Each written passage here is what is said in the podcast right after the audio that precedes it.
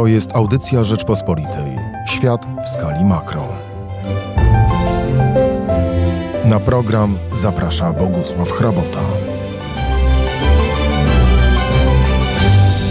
Z nami gość, profesor Bogdan Guralczyk, politolog, sinolog, publicysta Rzeczpospolitej.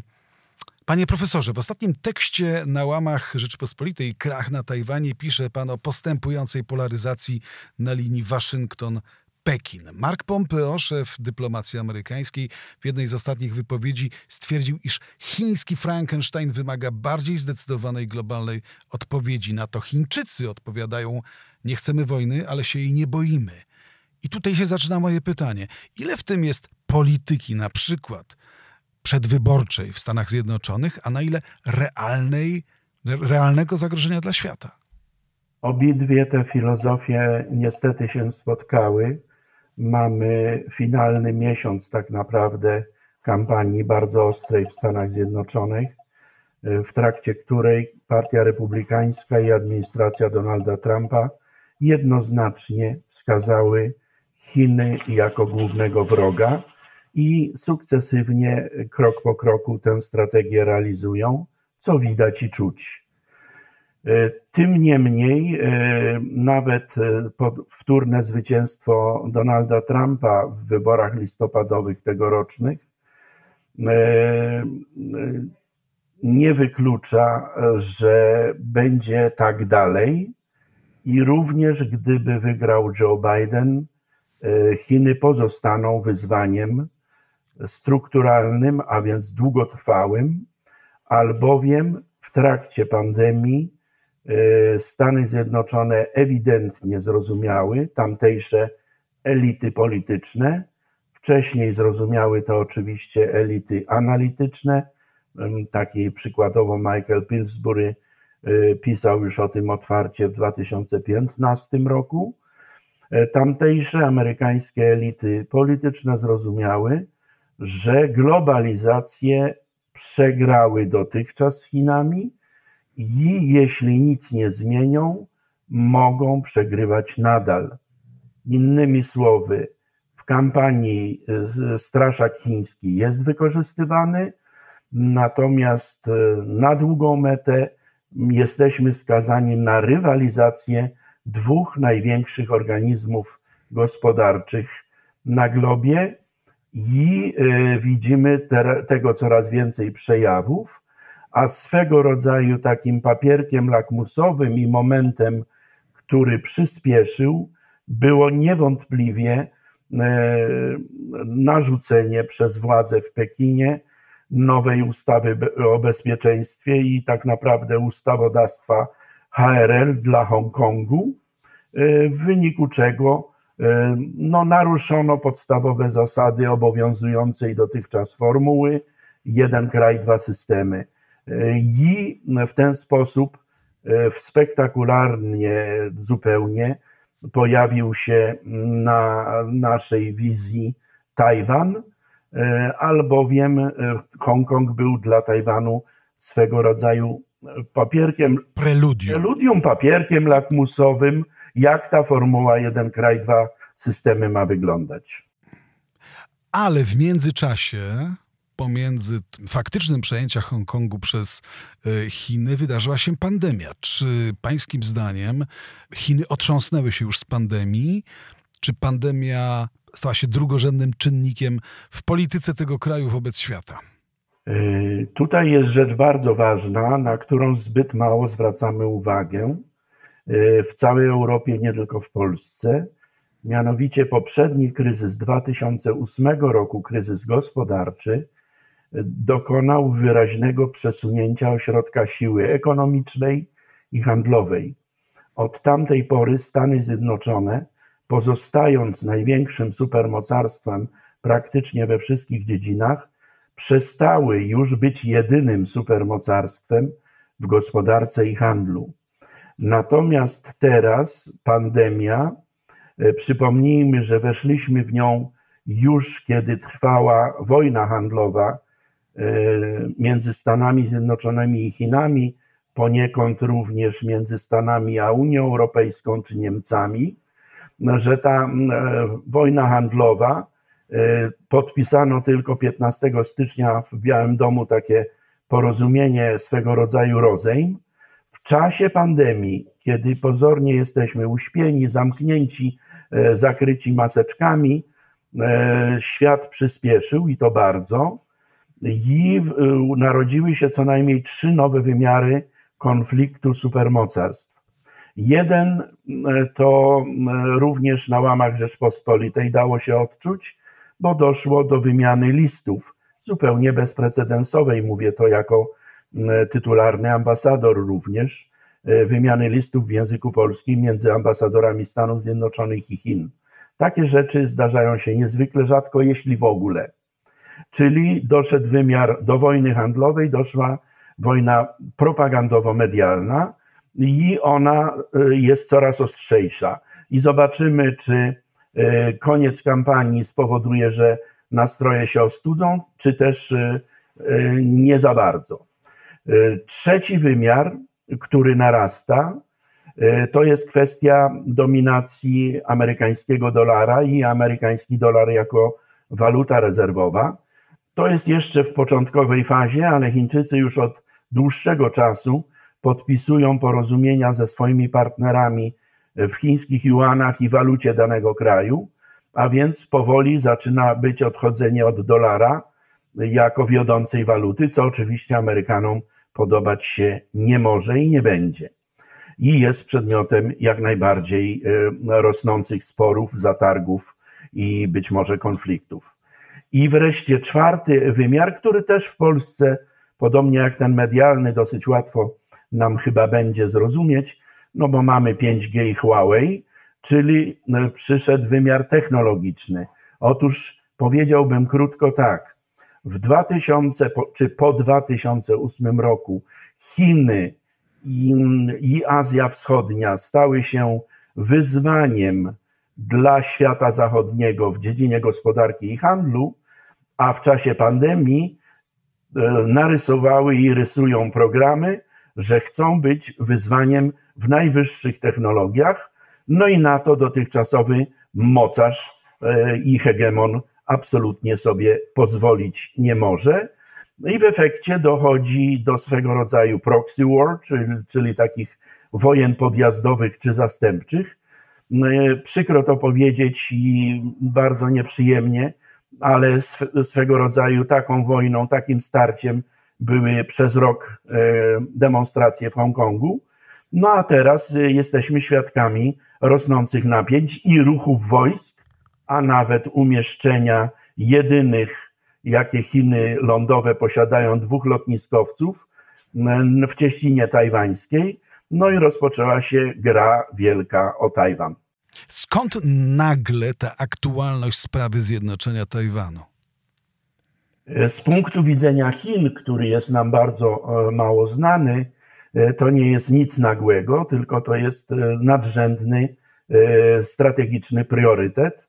Oni nawet w konstytucji mają artykuł 52, który mówi, że zjednoczenie wszystkich chińskich ziem jest świętym celem obywateli, nawet nie władz HRL, co oczywiście wszystkim mieszkańcom albo prawie wszystkim mieszkańcom Tajwanu nie może się podobać i wzbudza w nich zaniepokojenie, strach. Jeśli ja w polskich mediach, w tym w tym artykule na łamach Rzeczpospolitej, e, przedstawiłem e, rację Pekinu, to zaraz mi się na Twitterze i w mediach społecznościowych oberwało, że stoję po stronie komunistów chińskich, a nie rozumiem Tajwanu co nie jest tak, no bo na Tajwan jeździłem i mam dla niego niezmiernie dużo sympatii. Natomiast e, trzeba rozważyć rachunek sił. E, czy percepcja Tajpej, czy Kaohsiungu, czy innego tajwańskiego miasta jest ważniejsza, czy Pekinu? I odpowiedź nasuwa się sama. E, I z punktu widzenia Pekinu w tej chwili a na pewno Xi Jinpinga, który rządzi od listopada 2012 roku i rządzi coraz bardziej jednoosobowo i coraz bardziej autorytarnie, nie będzie lepszego zwieńczenia jego rządów, e, jak zjednoczenie wszystkich ziem chińskich, bo Hongkong przejęto, Makao przejęto.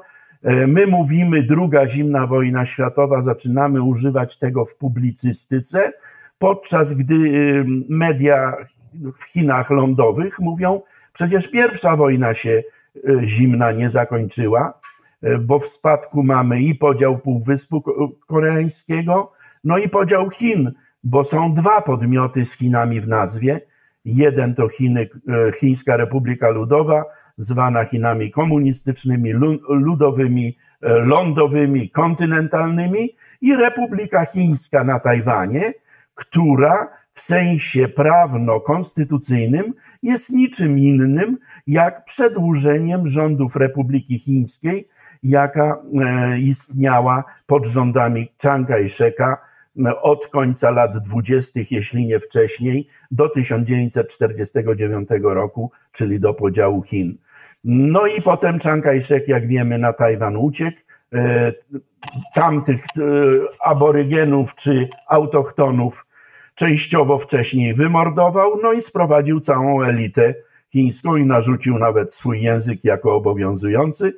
To wzbudza, wzbudzało i będzie wzbudzać kontrowersje, ale e, jest coś takiego, co obecna administracja w Tajpej, pani e, Tsai Ing-wen, ponownie wybranej w styczniu tego roku na czteroletnią kadencję prezydenta, e, ona tego nie uznaje otwarcie, też jednak nie neguje że jest tak zwany konsensus 92 roku, bo dopiero w 1992 roku przedstawiciele obu stron, Tajwanu i HRL, po raz pierwszy spotkali się i to na neutralnym terenie, nie na ich obszarze i wynegocjowano tak zwany konsensus 92, który brzmi bardzo po chińsku, że Chiny są jedne, tylko różnorako, odmiennie interpretowane po obu stronach ciśniny tajwańskiej.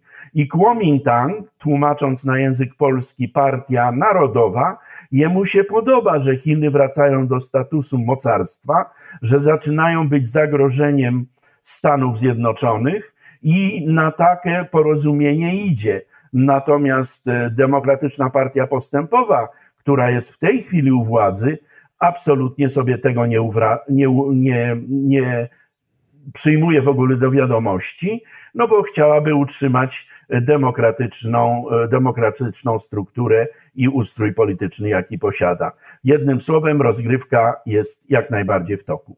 Panie profesorze, Tajwan jest w orbicie politycznej Stanów Zjednoczonych. Czy to jest gwarancja bezpieczeństwa? Czy też możemy liczyć się z tym, że ta konfrontacja przyjmie, przyjmie również wymiar militarny?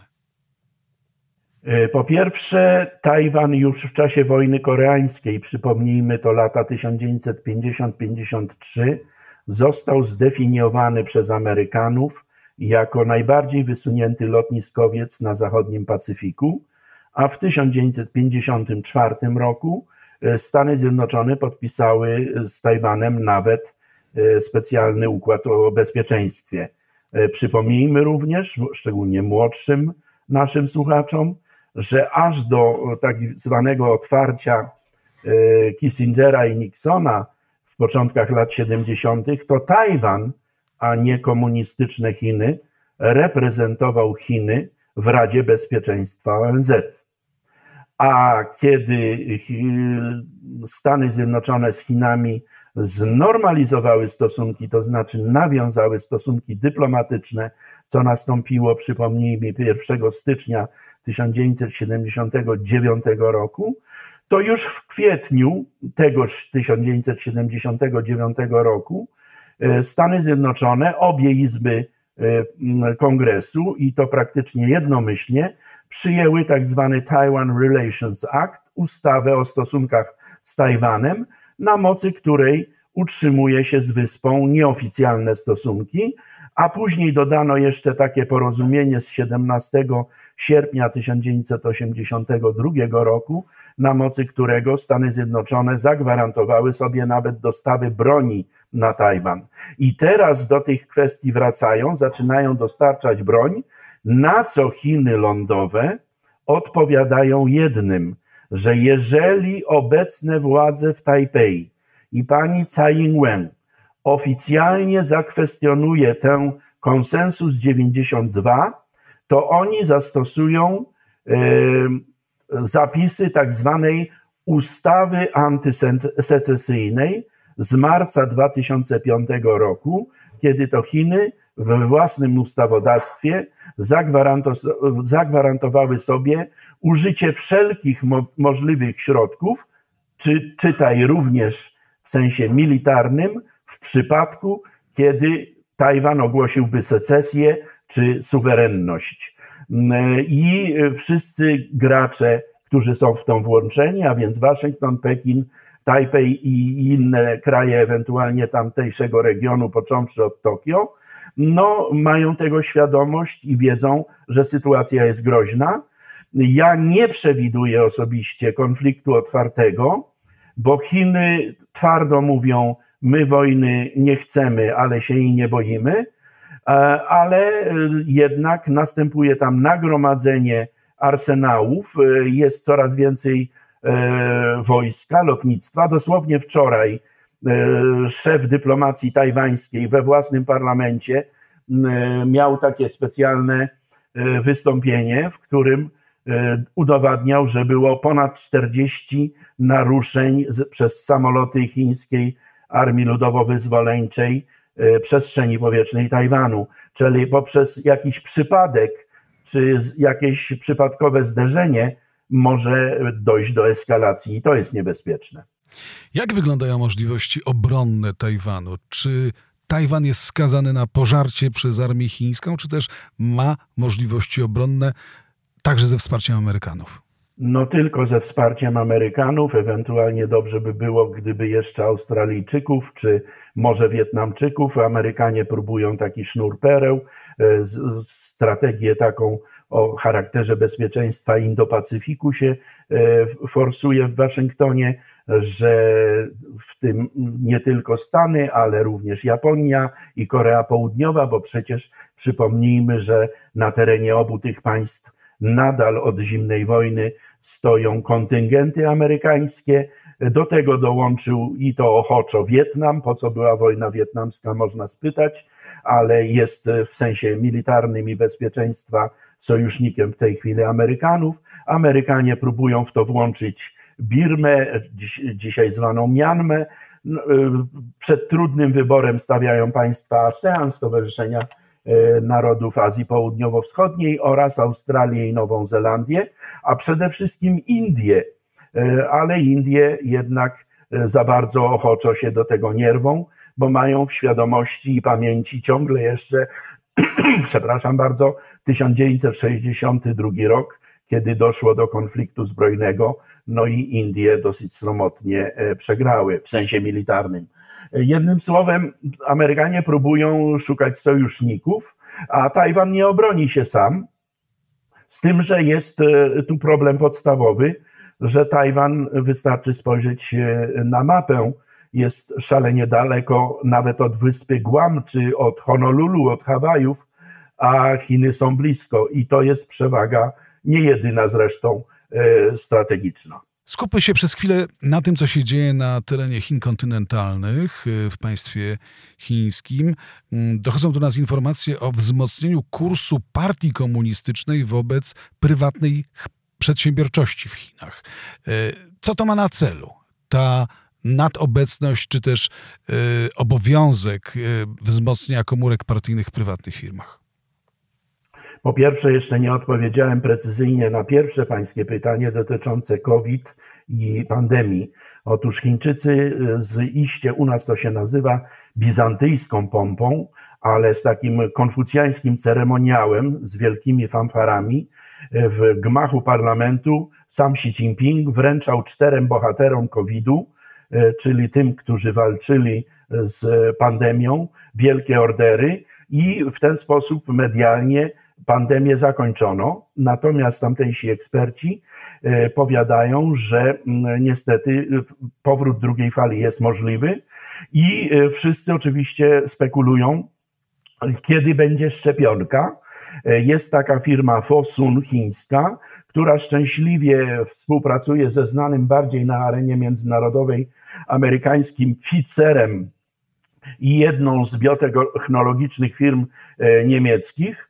I ta trójka zapowiada, że już na przełomie tego i przyszłego roku będzie miała szczepionkę i jest w trzeciej fazie testowania, czyli już na ludziach. Oby tak było, bo dopóki tego nie ma, no to Azja Wschodnia, począwszy od Chin, zdecydowanie lepiej sobie poradziła z pandemią. Wystarczy stwierdzić fakt, że w Chinach prawie nie ma zakażeń, nie mówiąc, że nie ma ofiar, i to dotyczy również Tajwanu, Hongkongu, Korei Południowej, Japonii i tak dalej. Czyli znowu następuje, tak jak w 2008 roku, przesunięcie ośrodka siły.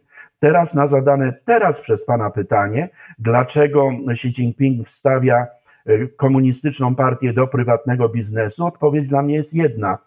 To jest e, rządy, rządy jednoosobowe, rządy coraz bardziej autorytarne, ale też obawa konfliktu, żeby nie doszło do jakichś strajków, na przykład e, w zakładach pracy, e, to wprowadza się komórki, czyli wprowadza się swego rodzaju stan wyjątkowy, stan wojenny, no bo napięcie wokół Tajwanu i nie tylko rośnie, a co będzie dalej, trudno przewidzieć, szczególnie kiedy Donald Trump wygrałby drugą kadencję, bo wszyscy nadal definiują, Chińczycy również, że jest to polityk nieprzewidywalny. Na nieprzewidywalną e, sytuację trzeba być przygotowanym w tym sensie, że trzymać lejce krótko. Czy to wzmocnienie kontroli partyjnej nad przedsiębiorstwami prywatnymi e, w Chinach to jest środek doraźny, czy to może jest kres czegoś, co profesor Kołotko nazywa chinizmem, czyli takiego szczęśliwego połączenia e, strefy przedsiębiorczości państwowej i prywatnej.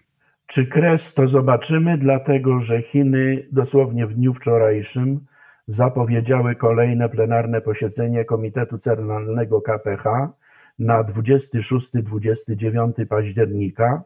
To będą niezwykle ważne obrady, dlatego że podczas nich e, po pierwsze przyjęty zostanie nowy model rozwojowy w Chinach, Dotychczas było już dwa, w latach 80. ubiegłego stulecia Chiny robiły e, tylko bardziej sprawnie to samo, co później próbował e, niejaki Michał Gorbaczow, czyli reformować socjalizm. Kiedy Związek Radziecki się przewrócił czy padł, to od 1992 roku Chiny natychmiast, czy komunistyczna partia e, Chin, a szczególnie ten Xiaoping, wyciągnęły wnioski, i włączyły miliardowy ponad rynek chiński do globalizacji. No i wtedy wielkie firmy i konsorcja e, jeden przed drugim biegły w kierunku miliardowego rynku chińskiego, na dodatek bardzo chłonnego, że my e, ten rynek wyeksploatujemy. E, problem jest ten, że dzisiaj widzimy, że to Chińczycy raczej tę fazę globalizacji wygrali i Amerykanie mają, e, lekko ujmując, wielki absmak i dlatego jest ten bipartisanship. Jest to mm, jednolite podejście obu walczących ze sobą partii, jeśli chodzi o Chiny. E, czyli mamy nowy model rozwojowy, który będzie nazwany dwoma obro, e, obrotami, dwo, dwie cyrkulacje, czyli z punkt, chodzi o to, żeby punktem wyjścia był, był rynek wewnętrzny i kwitnąca klasa średnia, żeby być uniezależnionym w ten sposób od turbulencji zewnętrznych, no bo coraz więcej protekcjonizmu i nacjonalizmu gospodarczego widać. I w przypadku dłuższych rządów Trumpa byłoby to chyba jeszcze mocniejsze. To jest pierwsza sprawa. Drugie, przyjmie to plenum następny plan pięcioletni, bo w Chinach ciągle jest przecież gospodarka planowa i to powiedzmy, że jest e, taki zwykły rytuał, chociaż zawsze jakie założenia w tym planie będą, są ważne. E, ten plan oczywiście będzie zakładał wzrost. Cały świat przewiduje, tak również mówi Światowa Organizacja Handlu i Bank Światowy, że będziemy w recesji. Jest tylko pytanie, jak głębokiej. Natomiast Chiny w 2020 w recesji nie będą, ale wzrost, jak się szacuje, poza nimi, oni raczej ostrożnie nie podają żadnych szacunków, będzie rzędu 2-3%, a więc y, najniższy z notowanych w ostatnich dekadach. Ale najciekawsze będzie to podczas tego plenum pod koniec października, że Chiny przyjmą drugi już taki długoletni plan rozwoju naukowo-technologicznego. Pierwszy przyjęli w 2006 roku i obejmował lata 2005-2020, a ten oczywiście 2021-2035 i jego zwieńczeniem ma być nic innego jak to, że Chiny ogłoszą, mają stać się wtedy gospodarką innowacyjną, czyli już są zagrożeniem i wyzwaniem dla świata zachodniego, począwszy od Stanów Zjednoczonych w gospodarce i handlu, a chcą być w wysokich technologiach. I to będzie szczególnie istotne, ponieważ w 2015 roku Chiny przyjęły e, taki program Made in China 2025, a więc zrobione e, w Chinach do 2025 roku. Ostatnio trochę to wyciszono i wtedy wyselekcjonowano 10 takich dziedzin, branż, między innymi sztuczną inteligencję albo na przykład smart city, inteligentne miasta i widzimy jak ogromne postępy w tych dziedzinach zrobiono, jak na przykład szybkie chińskie pociągi, to też. I teraz trzeba, niezwykle będę miał zadanie jako ekspert zajmujący się Chinami i wszyscy eksperci na świecie też, co oni wyeksponują, jakie dziedziny, w których będą chcieli poprze- po, po prostu wyprzedzać Zachód. I wiadomo, że gdyby jeszcze i w tym dziedzinie jej się udało, no to Stany Zjednoczone będą zdetronizowane, szczególnie, i to jest element ostatni, że Chiny już ponad 70, 75% mają PKB Stanów Zjednoczonych. Związek Sowiecki w najszczytniejszych, najsilniejszych swoich momentach powiedzmy koniec Chruszczowa, początek Breżniewa, lata 60. ubiegłego wieku, miał 40% PKB Stanów Zjednoczonych, czyli Chiny już są dwa razy większym wyzwaniem niż kiedykolwiek w sensie gospodarczym był Związek Radziecki, a przecież w wymiarze siły nabywczej coraz bardziej wyprzedzają Stany Zjednoczone i nie kto inny jak Justin Ifuli, Ifulin, znany trochę i w Polsce, główny doradca ekonomiczny Xi Jinpinga, a kiedyś wiceprezes Banku Światowego, zresztą Tajwańczyk z pochodzenia, właśnie ogłosił, że jeżeli nic się nadzwyczajnego nie, dzie- nie będzie działo i wyjdziemy tak, jak się planuje z pandemii, to w 2030 w wymiarze siły nabywczej pieniądza y, Chiny będą miały podwójnie wielką gospodarkę jak Stany Zjednoczone. To są dopiero tezy. Panie profesorze, moje ostatnie pytanie. Przez ostatnie lata żyliśmy w cieniu idei pasa i szlaku. To była główna oferta Chin dla świata. Czy to już przeszłość? Na pewno nie przeszłość, dopóki rządzi Xi Jinping, bo to była jego idea. Natomiast to będzie przewartościowanie e, i zobaczymy, co to plenum powie. E, na pewno Chińczycy zrozumieli, że trzeba podejść do tego inaczej, że to musi być bardziej transparentne, że to musi być y, win-win, oni mówią, że podwójne zwycięstwo, tylko że to miało być zwycięstwo biorcy i dawcy, a to było 2-0 dla Chin. Y, i coraz więcej y, państw to zrozumiało, czyli nastąpi jakieś przekonfigurowanie, myślę, że większa transparentność i wkomponowanie w te projekty, które ogłosi plenum. Przypomnijmy, że następny będzie szczyt tego pasa i szlaku w kwietniu przyszłego roku, oby nie wirtualny, bo wszystko ostatnio dzieje się, e, jak również nasza nawet rozmowa online. Mam nadzieję, że wrócimy do tradycji rozmów bardziej bezpośrednich. E, nie ma to jak w studiu. ze sobą pogadać wprost. To prawda. Uprzejmie panu dziękuję za tą rozmowę. Dziękuję. Profesor Guralczyk, nasz ekspert w sprawie Chin, który monitoruje sytuację, która się dzieje w tym wielkim kraju. Uprzejmie dziękuję. Dziękuję bardzo. Słuchaj więcej na stronie podcasty.rp.pl. Szukaj Rzeczpospolita Audycje w serwisach streamingowych.